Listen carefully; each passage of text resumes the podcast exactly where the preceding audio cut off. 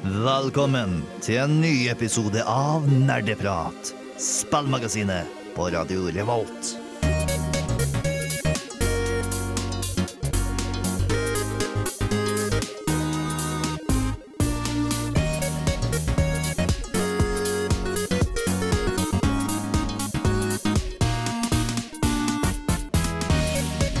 Hallo og velkommen alle og enhver til nok en ny episode med Nerdeprat.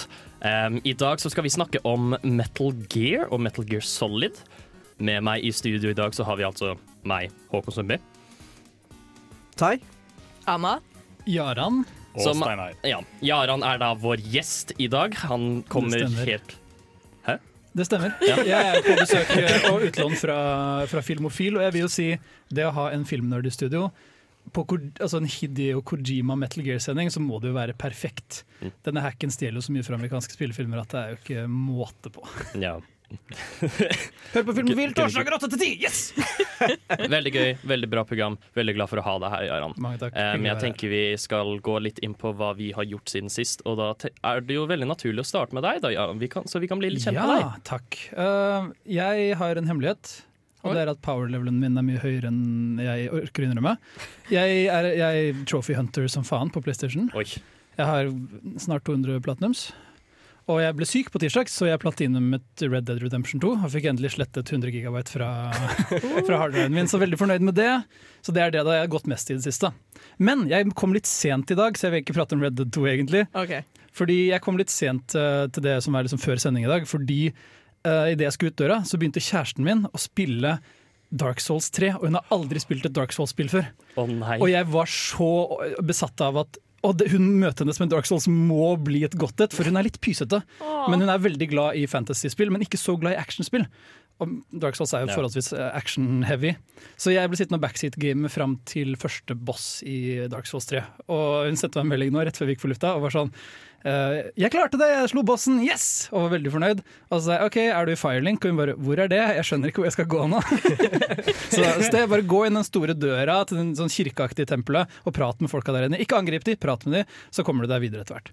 Men Har hun mye erfaring med å spille fra før av? Eller var det sånn, det er både hun er ny til spilling og Dark Nei, Souls? hun elsker Mass Effect. Hun vokste opp på Final Fantasy-spill. Hun, hun spiller forholdsvis mye, men hun er mer glad i sånn turn-based RPGs og, og Sim-spill Mm. i utgangspunktet. Litt action her og der, f.eks. Mass Effect og sånn. Men ja. uh, ja.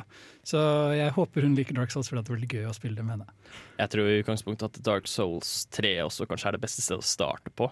Ja, Jeg ville foretrukket å gi henne Bloodborne, men Dark Souls 3 var installert, så jeg skjønner at hun var klikt på det vel nærmest Ja. et uhell. Ja, Bloodborne er jo gjerne litt mer aggressivt. Ja, men det er også og, måte, litt mer Det det er nesten litt enklere, syns jeg. Ja. Ja. Ja, Det er jeg, ikke, du, du trenger ikke forholde deg til parry-dodge-mekanikken så mye. Det er bare trykk runding og trykk R1, så er du nesten i mål. ja, det er Det er ganske nøyaktig. Jeg er enig i den. OK, Anna. Ja, nei. Uh, jeg har jo kost meg videre med The Outer Worlds, som er det nyeste spillet fra Obsidian, de som lagde Fallout-spillene.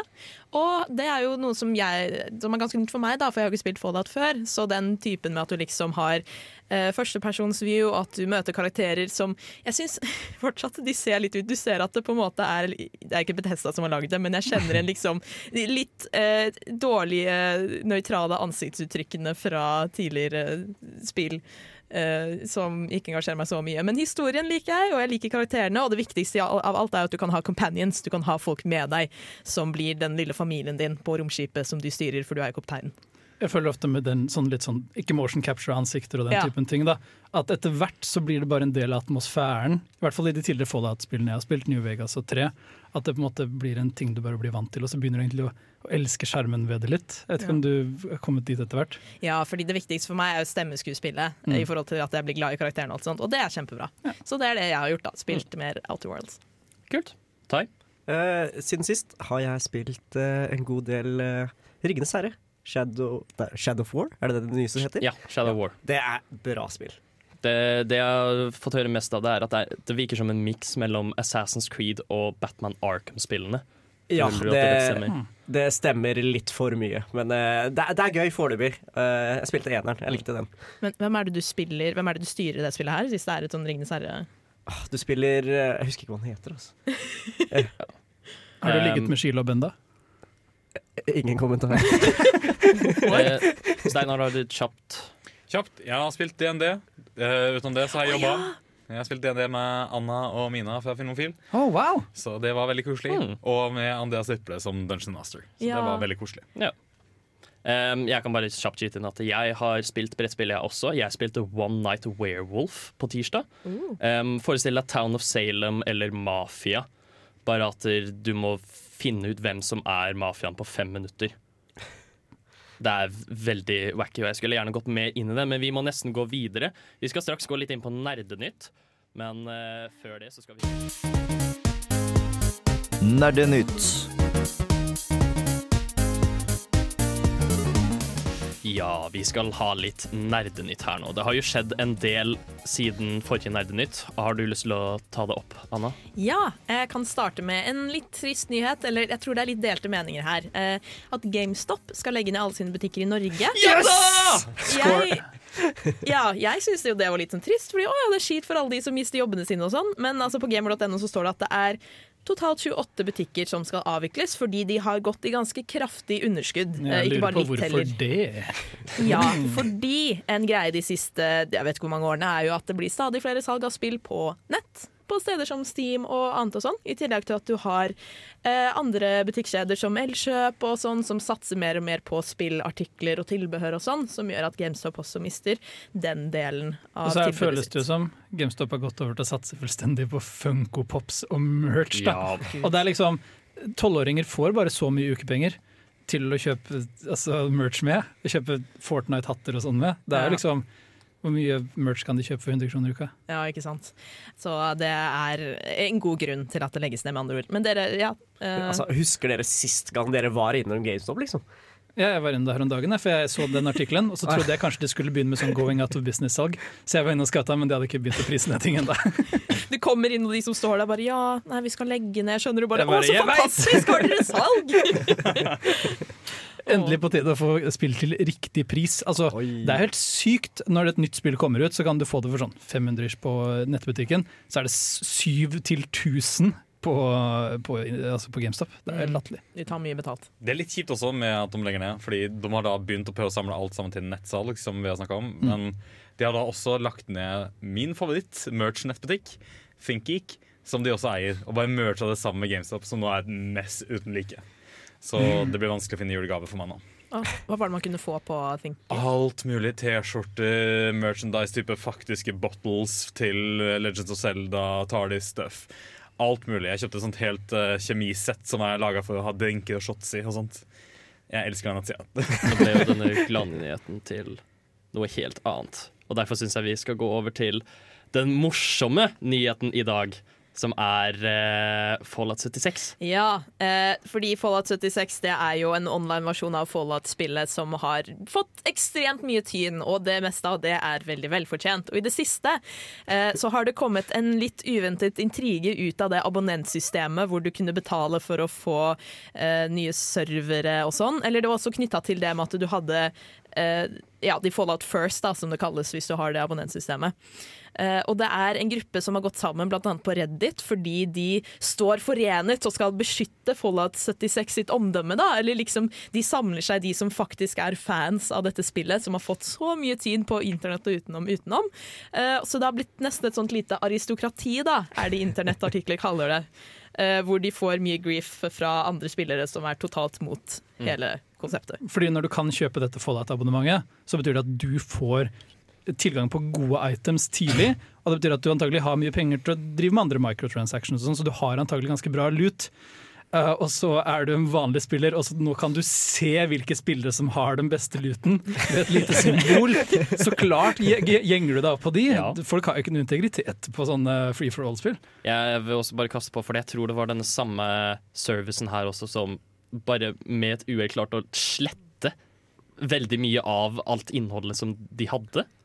Jeg, jeg tror faktisk det var alt. Ja, Jeg tror du, du bare betaler 100 kroner om måneden, så kommer Todd Howard bare 'Halla, Du har ikke items. Nei, du har det ikke lenger. du. Og så I tillegg så kunne du betale for å få eh, helt liksom private servere, da, men så viser det seg at det er ikke bare de direkte vennene dine som kan bli invitert til denne serveren. Det er sånn, Du må være kjapt ute, fordi plutselig kan noen venner av de igjen huke seg på. Så hvis de melder seg på serveren først, så blir andre skjøvet ut. Og det er jo ikke det folk så for seg når de først skal betale for sånne spillservere. Hvordan har Fallout 76 gått så katastrofalt dårlig når Elder Scrolls Online tilsynelatende har greid seg helt greit? Kapitalisme. Vi kommer alltid tilbake til kapitalisme. Uh, ja. Jeg vil også bare ta for meg uh, noen par nyheter selv. Uh, først av alt så vil jeg eh, snakke litt om at Blizzard har bestemt seg for at de skal komme med Overwatch 2. Og jeg ønsket å bare si dette her fordi jeg forstår ikke helt greia med det. Um, og det er fordi Overwatch 2 inneholder nye karakterer og nye maps og lignende. Men alle som eier Overwatch 1 får også alle disse tinga. Um, for at de ikke skal føle seg left behind. Så jeg forstår ikke Er dette noe annet enn en 60 dollar patch? Ja, det er det, da. Veldig mange liker å kalle det nå en slags eh, hva skal jeg si, en DLC til spillet. Men greia du får i toeren, er PVE-spill. Og det får du ikke hvis du bare har eneren. Eneren beholder maps og karakterer så du kan spille player versus player, mens eh, den andre har PV PVE og historie. Så du får mer en historiebasert Overwatch enn en PVP-Overwatch. Men hvis du kjøper Overwatch 2, er contentet fra Overwatch 1 inkludert, eller er det, må du da kjøpe Overwatch 1 og 2 bundlet? Sånn jeg forstår det, så får du da samme content som du har i PlayStation, nei, PlayStation her, eh, i Overwatch 1 også. Ja, Det er bare du- nummereringen som er litt forvirrende. på en måte. Nummeringen Ja. pluss PVE, så istedenfor å bare ha PVP, så får du da PVP pluss PVE. Ja. Ja. Istedenfor å kalle det en oppfølger, så burde de heller kanskje kalt det en expansion, da. Med Ja. andre ord. Og det er det de fleste også er enig i. Ja. Men det er viktig å nevne at Blizzard nå har fått så mye hat fordi det de gjorde i forhold til han, han som støttet Hongkong-protestene og sånn, Ja, at de må sikkert rulle ut med nye tilbud og prøve å gjøre seg gode igjen da, i øynene på de som kjøper produktene deres. Det de egentlig må gjøre, er å skjerpe seg. Ja, det også, faktisk. Mm. Det, vi får spare det til en annen gang. Vi skal ikke bli altfor politiske her. Nå skal vi høre, i anledning temadelen vår, 'Snake Eater' av Synne. Ikke folk med meg! Jeg har kraften til Gud og nerdepar på min side. Men hæ?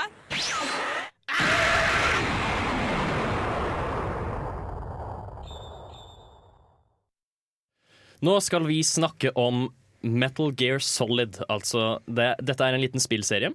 Med, liten, ja. um, og den, den kan eller kan ikke handle om spionasje, hvem vet. Um, men jeg tenker eh, Jeg og Jaran vi er jo ganske utdypa innad i Jeg, denne vil- jeg vil jo påstå at jeg nærmest tryglet meg inn på denne sendingen, Ja. fordi mitt hat-elsk-forhold til Metal Gear kjenner ingen ende.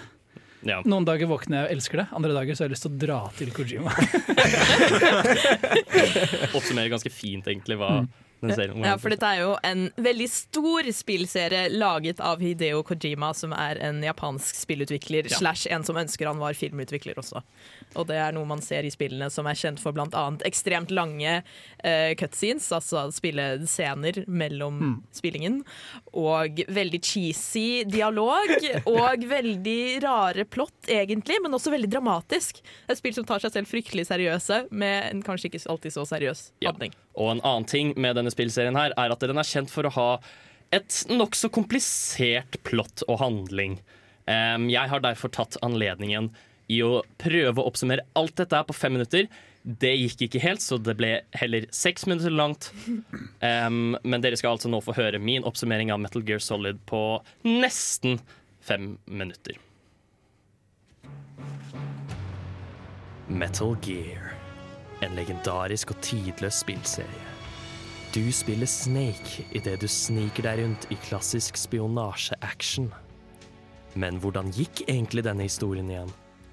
Et mysterie uten like, som jeg nå skal prøve å fortelle.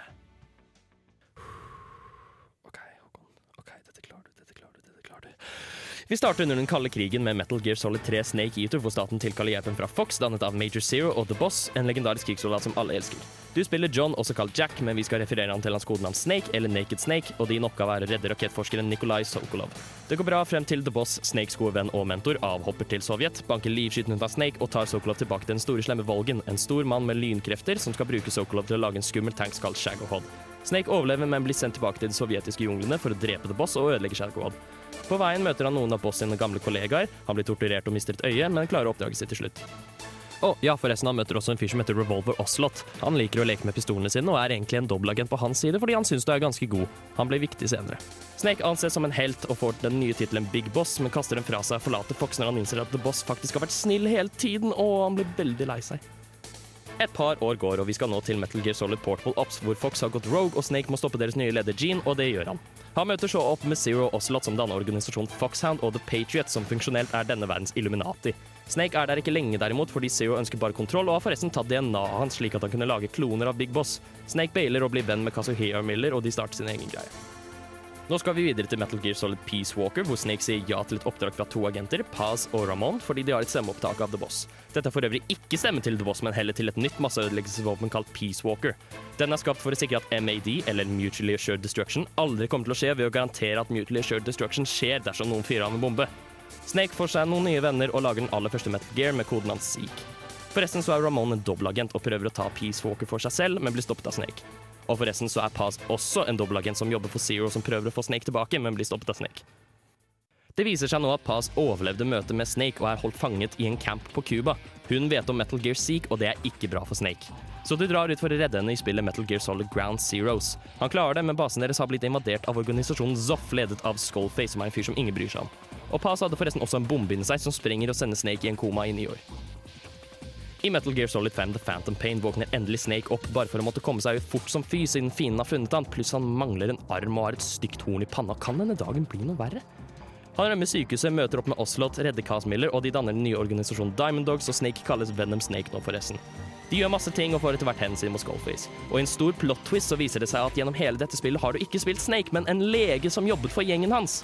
Gjennom en serie med hypnotisering og plastisk kirurgi forvandlet de legen om til en fake Big Boss, mens den ekte Big Boss planla å ødelegge Zero og The Patriots. Han blir pissed og blir slem. Så skal vi til det aller første spillet i serien Metal Gear, hvor staten finner ut av eksistensen til Outer Heaven, et fasilitet som lager masseødeleggelsesvåpen. De sender egentlig Big Boss og Foxhound dit uten å vite at det er han selv som står bak det.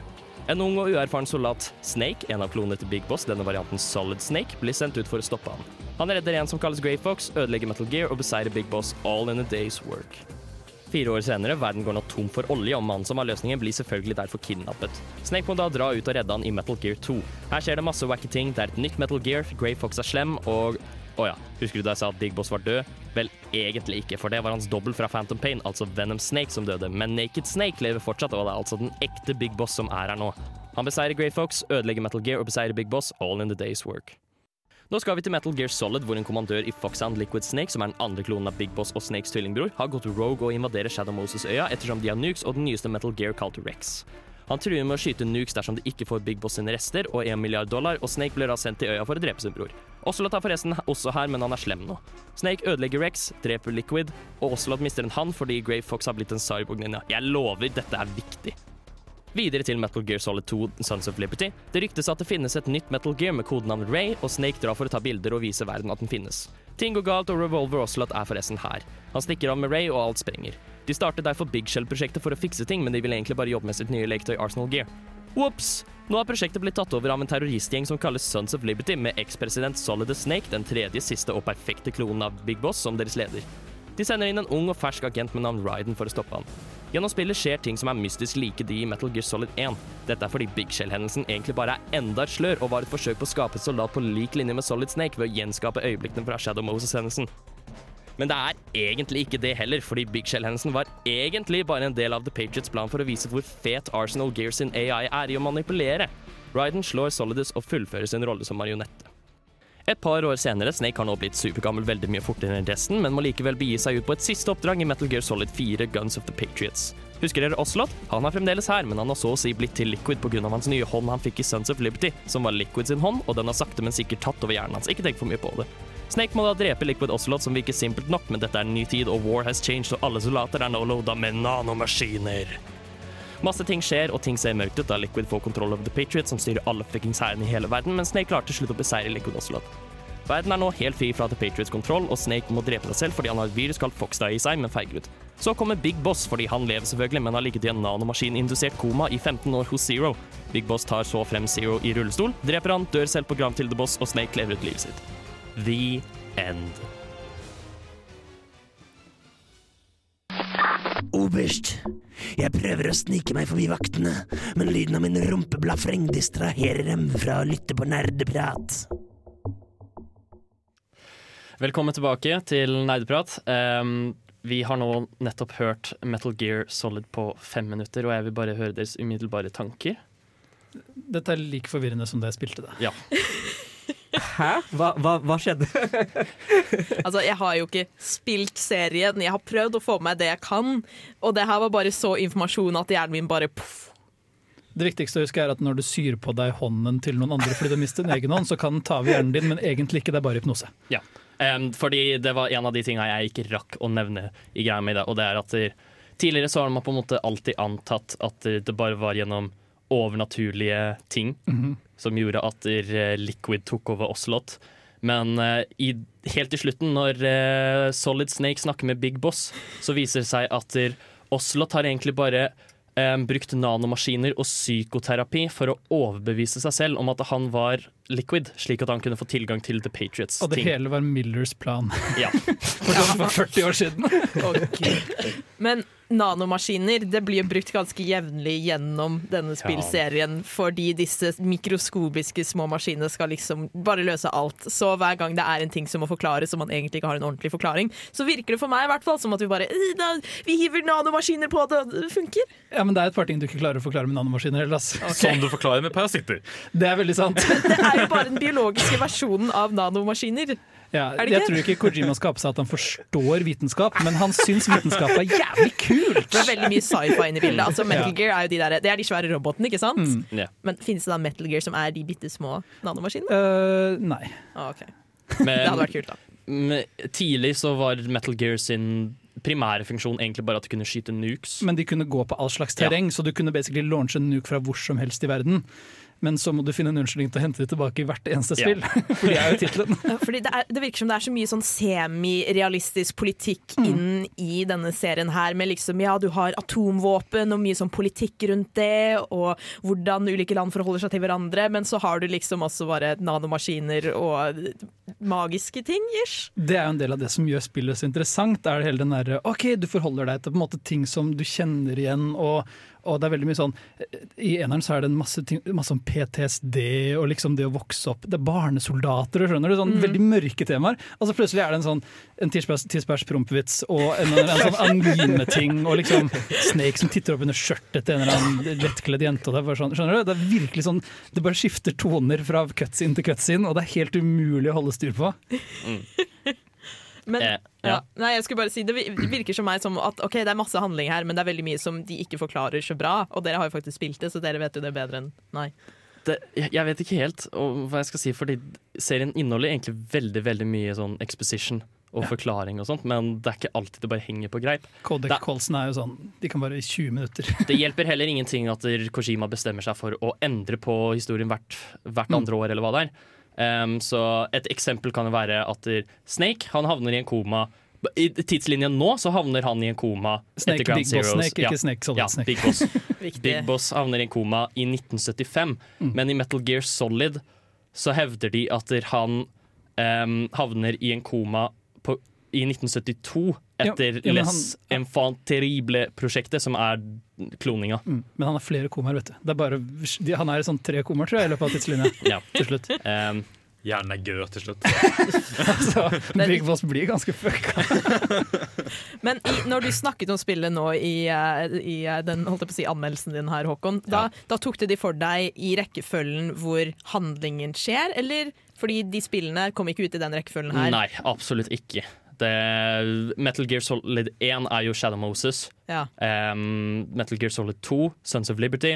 Og så har du Metal Gear Solid 3, Snake Eater, som er En prequel, basically. Ja. Det er, er, uh, det uh, første spillet, egentlig. Mm, Guns of the Patriots er da oppfølgeren til Ja. toeren, ikke sant? Og så er alt etter det prequels, som finner sted mellom Snake Eater og Mm. ja. Men det gjør det jo bare enda mer forvirrende. Om det gjør! Å, gud! Det er som de bare prøver å gå tilbake. Liksom. Og det er én ting til vi kunne forklart, men ok, det er egentlig den tidslinja har gått forbi. Men vi bare går tilbake og, liksom, og lager den historien Ja. etter at det egentlig har skjedd. Det mest frustrerende her er Kojimas insistering på å konstant bringe inn karakterer i prequelsene som på en måte da er sånn, de får så mye mer påvirkningskraft i framtiden. Kanskje det beste eksempelet er uh, Otakon, som blir på en måte din For det første så er han Kojimas self-insert. Han er den nerdete datatypen med briller og er litt sånn awkward og wacky. Men så, uh, og han blir på en måte Snake sin sånn second guy, hans tech-type som alltid sitter på øret hans og Snake, bla, bla, bla. bla. Det, du, det, jeg, sant, skjønner du? Uh, I tillegg til alle de andre. Men så, i prequelsene, så møter du etter hvert på Hui, som viser seg å være Otakons far. Og det bør nevnes at i uh, Metal Gear Solid 1 så forteller Otakon at faren hans tok livet sitt fordi, fordi han lå med stemoren sin. Hæ? Hæ? Så, så, så, lenge du, så, liksom, så lenge du ser Huey i, de, i Peace Walker og i uh, Metal Gear Solid 5, så alt jeg tenker bare sånn Ja, han skal drukne seg i et svømmebasseng, ja. Fordi han, fordi han lå med nei, stemoren sin, eller fordi han Altså, Otakon, Otakon lå med sin stemor, som da hadde giftet seg med. Å, Så, gud. og begge, og han, ja, det er bare sånn, og han, de ligner så sykt på hverandre og har spilt av samme voice actor. Det er bare. Det, det er en, det, mener, det er jo en veldig god serie, men det er ikke en god serie. Ja, det er akkurat det. Det switcher mellom å være genial og frustrerende på Ja. to sekunder. Eh, så ta det for Ta det du har hørt nå, for hva du vil. Vi skal straks gå innom eh, litt easter eggs og fun facts. Før det så skal vi høre Slutface med suksess. Eh, Metal Gear Solid-serien er jo kjent, veldig veldig kjent for å inneholde masse masse easter eggs og lignende. Um, jeg vil jo Jeg tenker jeg kan ta, starte med en nå med en gang. Um, I Snake Eater, i hvert fall original på PlayStation 2, så når du løper rundt, så kan du finne disse Om noen av dere har spilt Ape Escape? Ja, Nei. stemmer. De, de, ja. Um, Ape Escape det, Jeg kjenner ikke så veldig godt selv, men du har i hvert fall disse apene da, med sånn hjelmer og gule bukser på seg. Um, og du kan finne masse dokker av de rundt omkring i Snake Eater. Mm. Og så på PlayStation 3-versjonen i hvert fall, og så får du trofé om du finner alle. og masse sånt jeg også et annet easter egg som er jævlig spesa som er uh, Du blir tatt til fange under et visst punkt og torturert. Du, jeg husker ikke helt hva du gjør, men hvis du gjør noe, hvis du, blir, du har en mulighet til å rømme fra den cella, hvis du ikke klarer det innen en viss tid, så tortureres du på nytt, og så resettes det, så må du prøve igjen. Mm. Hvis det skjer et visst antall ganger, så Dette er bare i PS2-versjonen, tror jeg. Ikke i PS3-versjonen. Så har du en drøm som er en demo Ja! for et annet spill. Ja, det er Et, et Castlevania-aktig spill. Og så Det er en demo for et annet spill som trigges av den drømmen. Og så spiller du det, det første levelet av det, og så våkner Snake opp og er sånn Det var en sykt rar drøm! og så blir du torturert igjen. Men er det et faktisk spill, eller bare sånn et liksom-spill? Jeg vet ikke om spillet verden? ble gitt ut, men det var, jeg tror det er en legit demo. Jeg har aldri okay. spilt spillet den demoen er fra. Shit. Det visste jeg ikke. Så det er eh, Det har vært mye rart inni Metal Gear. Altså. Det Ja. har det. Det mest interessante easter egget for meg var jo Metal Gear Solid 5 sin nuclear disarmament ending. Ja.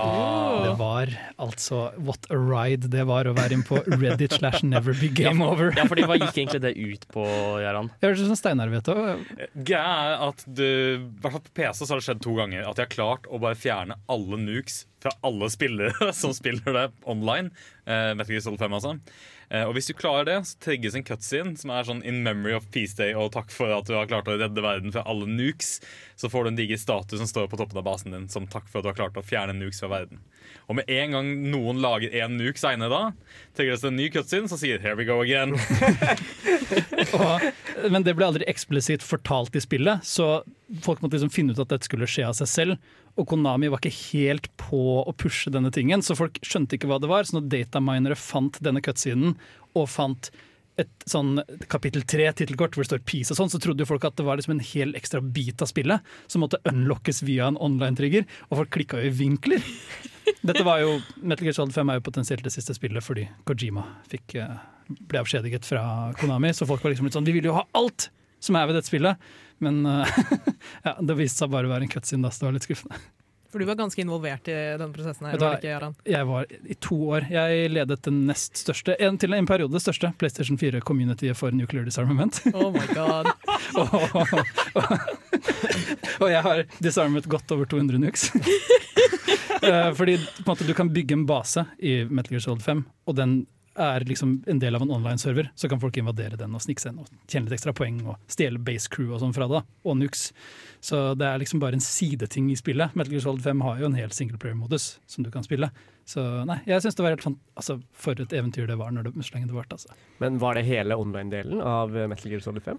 Nei, både 4 og 5 og Peace Walker har hatt egne online matchmaking-moduser. Ok, Men hva gjør du der? Er det Det, sånn? det er deathmatch og alle de vanlige matchene. Okay. Så dette var bare en sidemodus på en måte som var integrert i singleplayeren. Mm. jeg kom på en annen eh, litt sånn easter egg-ting, i i og med at du er her, Jaran, fra Filmofil, som var litt gøy. Fordi Kojima er blant annet ganske stor fan av Stanley Kubrick. Og eh, en liten sånn easter egg-ting som han tok med, er at noen av karakterene blir eh, De har navn da, som er fra eh, Romodysseen, blant annet. 2001. Hal Som for er vel navnet på en AI i spillet. Ja, Hal eller eh, Ja, jeg tror er, enten en AI eller Otacon eller noen av de som egentlig heter Hal. Ja, kanskje det er sånn, ja. Ja, eh, Og så har du at eh, Solid Snake sier eh, også at han egentlig heter David. Og det er også en karakter fra Romodysseen.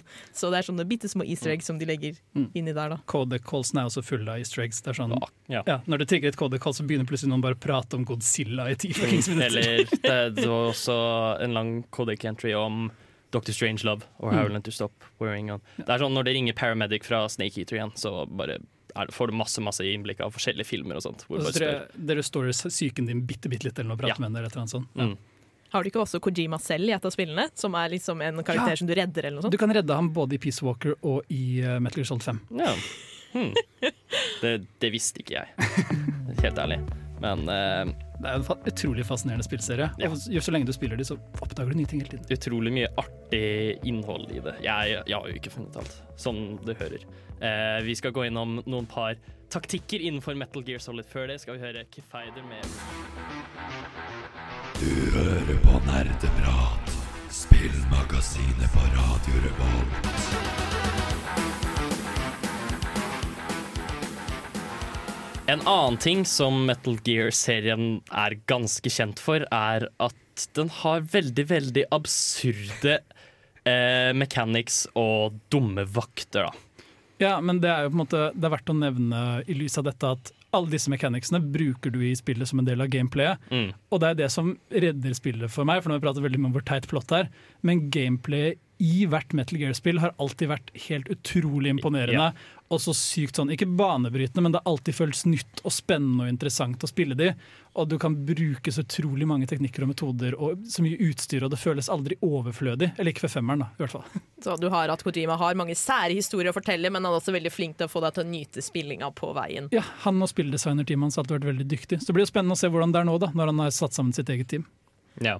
Em, så det vi skal gjøre nå, er at vi skal ta for oss forskjellige taktikker og eventuelt fremgangsmåter du kunne gjort i Metal Gear-spillene, og diskutere er dette valid.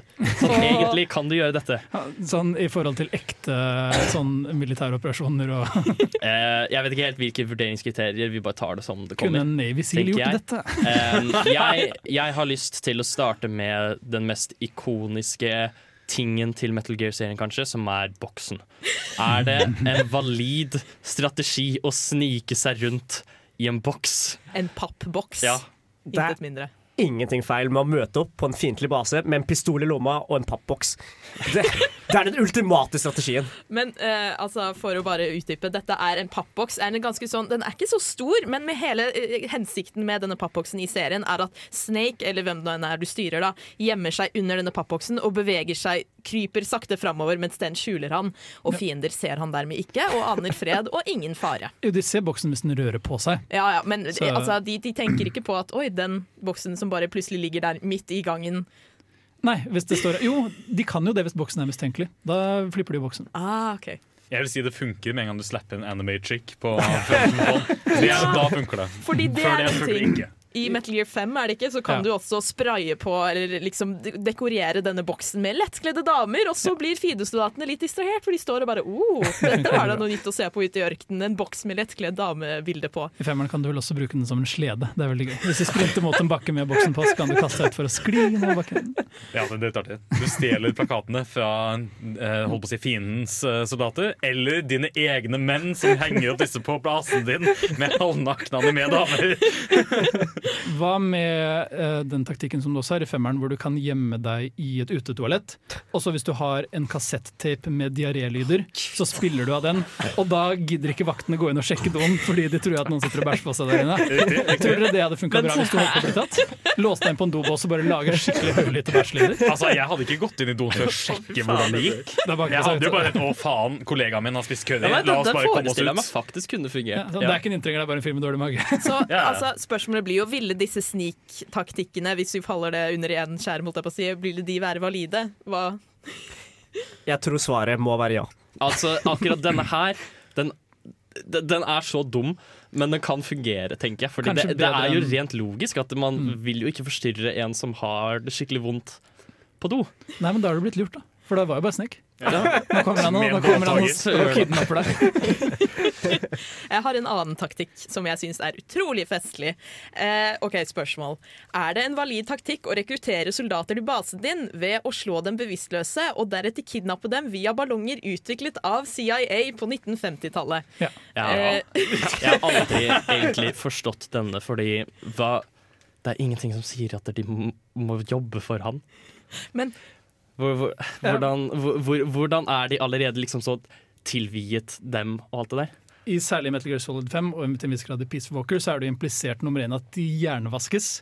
For de har en konverteringsperiode når du kidnapper dem på noen dager. Og så I tillegg så hører du ofte at de prater om Big Boss som en legende også når de er på fiendelaget. Du kryper forbi vakter og så er det sånn 'Jeg vil ikke komme til veien for Big Boss. Jeg er så redd for Big Boss.' Åh, shit, Jeg skulle nesten ønske han kidnappet meg. Så mange av disse folka går rundt og crusher på Big Boss på forhånd. Jeg har en veldig liten morsom easter egg på det også, at Hvis du er på basen din, så kan du gå rundt og bare basically overrumple soldater for å trene dem. da Så hvis du tar noen i et chokehold bakfra, så kan noen av de tydeligvis si ting som 'harder, boss'. så ja, det er en del som crusher på han i eh, rankene. Men det jeg lurer på, hvorfor ballonger? Fordi altså, greia er at Hvis noen er bevisstløse, så de sover og har sånne setter over seg, Ja, ok, de sover, er bevisstløse kan du feste en ballong til dem, og så bare blir de heist litt opp i lufta og ligger der Så, jeg, så plutselig bare fjom, opp i lufta, og så havner de på basen. Se for deg et reversert airdrop. ikke sant? Og som Håkon nevnte her, så er det faktisk en teknologi CIA eksperimenterte med på 60-tallet. Å, ja. Og så nevner man også at et helikopter plukker dem opp også. De Ja, som at du får det. dem til å sveve såpass høyt at bare helikopter får tak i dem. Ja, okay. tror du hører en sånn helikopterlyd eller et eller annet. Også. ja, ja. Eh, ok. Jeg, jeg har en ny ting som er veldig kontroversielt også i forhold til Metal Gear 5. Er det en valid taktikk å behandle brannsår med parasitter som krever at du må puste og drikke gjennom huden, og dermed må være halvnaken hele tiden og ikke snakke? Det gjelder jo Um, Quiet, en kvinnelig karakter som kan følge deg, og hun er alltid kledd halvnaken fordi dette er grunnen. Og kan, ja, altså, hun kan ikke prate ellers. Å nei, det var leit. Hun må bare være der for å se bra ut, liksom. Men- To be fair, hun kan jo ikke prate fordi hun har um, typ et språkvirus inni seg. Mm. Um, som, gjør at det, seg. det, Dette viruset her, det sprer seg når du snakker samme språk. Så det vil altså si at Hvis jeg hadde hatt dette viruset og jeg snakker norsk, og du snakker norsk, så blir du også smittet med dette viruset. Hun, Quiet sitt native språk tror jeg var engelsk. Ja. Ja. Som vil si at hvis hun åpner munn, så dreper hun alle på basen. Det, hun kunne pratet russisk, men det ville ikke funket fordi hun snakker morsmålet hennes er engelsk. Så liksom stemmebåndet hennes er tunet til engelsk. Å. Det fører til en veldig bra bit i spillet senere, hvor du, det viruset sprer seg på basen. Og du må finne ut hvilket språk som er kilden til utbre- Ja. outbreaket, og, og putte alle som snakker det språket i karantene. Det er en veldig kul bit. Mm. Det er rart det er det der. Ja. Men f- fremdeles Jeg forsto helt aldri greia med at hun puster gjennom huden. Det er jo en referanse til um, han ene bossen fra Metal Gear Solid 3, er det ikke det? Han uh, gamle, um, han 100 år gamle mannen. Det det også var det også at, vel at lungene ble ødelagt pga. Ah, det gir jo mening med tanke på at hun er jo snikskyter. Ja. Jeg har, jeg har tid til én liten taktikk til. Eh, en kjapp en. Ok, Det er en liten morsom en. Er det en valid taktikk å bruke en tønne som et våpen mot fiendene dine? For det er jo noe du bruker på et eller annet Ja. tidspunkt i et av Eh, du, du, på, på samme måte som boksen så kan du legge deg i en tønne, og så kan du rulle rundt og bare rulle over fienden. MacGyver støtter den, tror jeg. Ja, det vil. Du slår folk bevisstløse hvis du bare starter på toppen av bakken og ruller nedover. Det er bare- du, du kan fint drepe folk. Det spørs bare veldig øh, på hvor fort folk legger merke til deg, tenker jeg. Fordi det er Jeg tror også ikke du er så klar for å slåss når du krabber ut av den tønna. Litt sånn småkvalm og svimmel. Gi meg to sek. Nei. Um, jeg tror det var alt vi hadde, og da er vi vel egentlig ferdig for i dag. Um, er det noen som har noen uh, kjappe tips som de har lyst til å gi før uh, vi er ferdig for i dag? Boikott Blizzard, støtt Hongkong. Ja, stand with Hong Kong. Ja, det er en jeg, kontrovers rundt det. Og Som man fortsatt må huske så, på. og ikke vær så opptatt av release order på Metal Gear, bare spill et spill som ser bra ut. Ja. Det, Ja. det går greit. Jeg vil også til slutt si, um, si som et siste tips Death Stranding kommer ut i morgen. Ja! Og, og Um, neste gang så skal vi snakke mer om Death Stranding og Kojima. Ja, Ja. det skal vi. Det blir uh, veldig spennende. Jeg ser veldig fram til det. Det er ganske splitta hva folk mener om Death Stranding på internett. Men, og da som mitt siste tips skal være at Ikke tenk på kritikerne og internett. Dann din egen mening. Eller hør på Nerdprat for de beste meningene. Eller i det. Og med det så tror jeg vi skal si adjø. Her får dere ta med Impala med It Might Be Time. Du har lyttet til en podkast på Radio Revolt, studentradioen i Trondheim. Sjekk ut flere programmer på radiorevolt.no.